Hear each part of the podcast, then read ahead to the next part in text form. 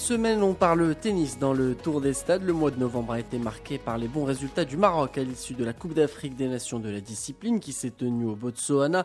Le Maroc a décroché la première place après avoir remporté 4 titres sur 6 possibles. Une belle moisson qui prouve que le Maroc est toujours en tête des pays africains en termes de tennis. Khalid Afif, directeur technique au sein de la Fédération royale marocaine de tennis, revient sur cette belle performance.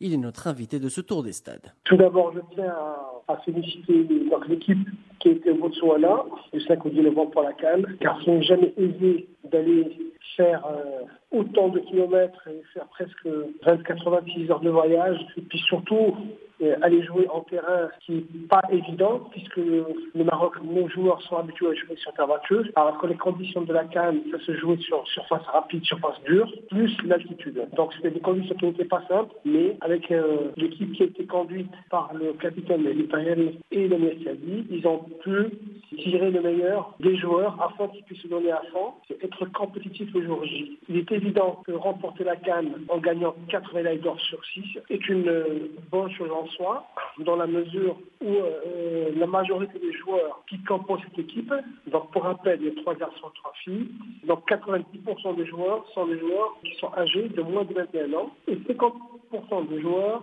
qui sont âgés de moins de 18 ans, c'est-à-dire des juniors. L'équipe nationale a plus gagné avec des joueurs qui à la fois ont remporté cette année des championnats d'Afrique junior, moins de 18 ans, et également des seniors. Donc d'où la conclusion pour dire que tous ces jeunes joueurs aujourd'hui qui sont compétitifs au niveau africain, ils ont le niveau des joueurs seniors au niveau du continent. C'est une chose très importante pour nous étant donné que la stratégie de la fédération depuis quelques années maintenant est basée sur euh, justement la formation des joueurs au plus jeune âge afin d'avoir euh, des joueurs compétitifs à toutes les catégories d'âge. C'est une satisfaction qui reste euh, qui reste bien pour la fédération, pour les joueurs, tout ça. Mais c'est une étape, une étape parmi d'autres. Alors, euh, le Maroc a prouvé sa supériorité sur le plan continental en décrochant cette Coupe d'Afrique euh, des Nations. Maintenant, euh, quelle sera la politique de la Fédération royale marocaine de tennis afin de pouvoir avoir une chance contre les autres nations sur un plan international? Nos objectifs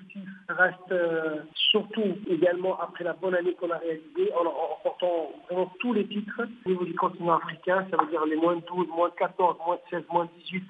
Maintenant, au niveau de, la Cannes, il y a eu également des médailles d'or en Jeux africains de la jeunesse, il y a eu la médaille d'or euh, de la Hab au Jeux méditerranéens, il y a eu 7 euh, titres, 7 médailles d'or sur 10 en gymnasiade, qui vaut au championnat du monde scolaire. Donc tous ces résultats sont le fruit des stratégies comme j'ai dit tout à l'heure, de formation des, joueurs au plus jeune âge, euh, la stratégie de la formation des enseignants, l'accompagnement des clubs, la croissance de nombre de compétitions internationales au Maroc ou à l'étranger. Tous ces éléments-là combinés font que le Maroc est aujourd'hui euh, l'une des destinations la plus cotée au niveau du continent en termes de travail, de résultats de sérieux et de rigueur. Et donc, l'objectif à venir, bien sûr, comme je dit tout à l'heure, c'est que la CAN ou ces événements-là, ce sont des étapes. Maintenant, on est plus porté sur l'international de telle manière à ce qu'on puisse euh, avoir des joueurs aujourd'hui et joueuses de ces jeunes qui ont été formés par la fédération depuis deux années à remporter des titres à l'international, que ce soit au niveau des ITF